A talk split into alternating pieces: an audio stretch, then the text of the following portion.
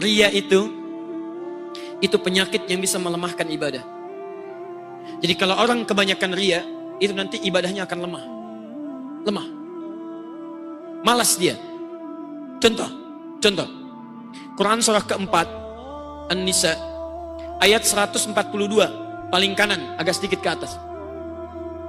Innal munafiqina yukhadi'una Allah wa huwa khadi'uhum wa idza qamu ila salati qamu kusala yura'una an-nasa wa la yadhkuruna Allah illa qalila.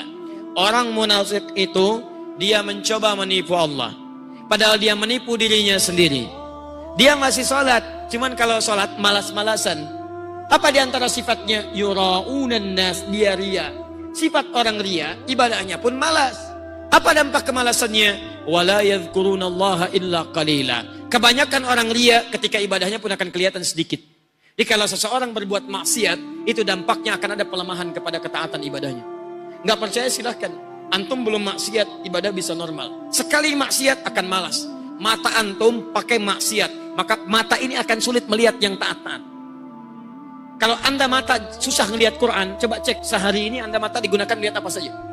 Lisan anda sulit baca Al-Quran, cek sehari ini lisan dipakai mengucapkan apa saja. Sampai ke ujung kaki. Paham kalimat ini? Baik, karena itu saya tutup dengan kalimat terakhir. Ya, Syekh Az-Zahabi kemudian memberikan gambaran firman Allah di Quran surah ke-18 Al-Kahf ayat 110. Saya tutup halaman 9 di pertengahan ada tanda kurung ayat Quran. فمن كان يرجو لقاء ربه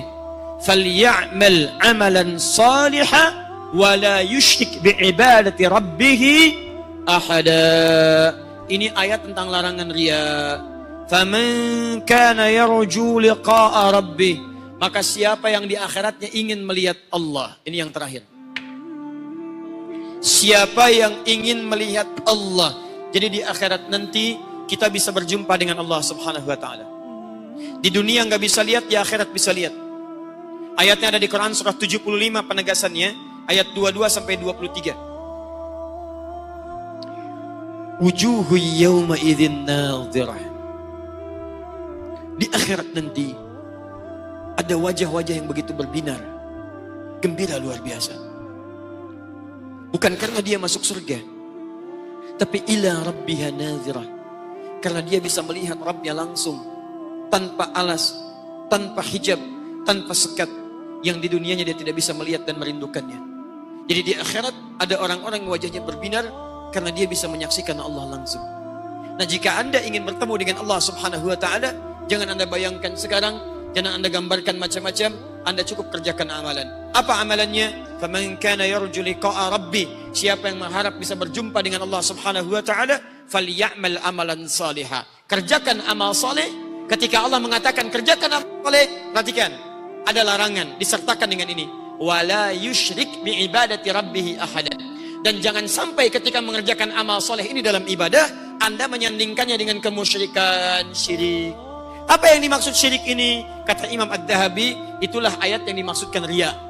Di ria adalah bagian dari syirik, syiriknya syirik asgar, jadi maksudnya dia ibadah tapi tidak ingin dilihat oleh Allah Subhanahu wa taala itu syirik. Kalau ada orang syirik dalam ibadahnya, maksudnya riak dalam urusan ibadah, sumah dalam urusan ibadah, maka yang keempat, dia tidak akan pernah berjumpa dengan Allah Subhanahu wa taala. Tidak berjumpa.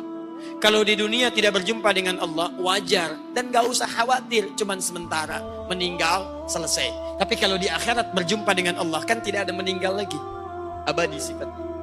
Jadi kalau ada orang di akhirat tidak berjumpa dengan Allah, maka selama kehidupan berlangsung abadi, gak akan pernah sudi Allah menetapnya.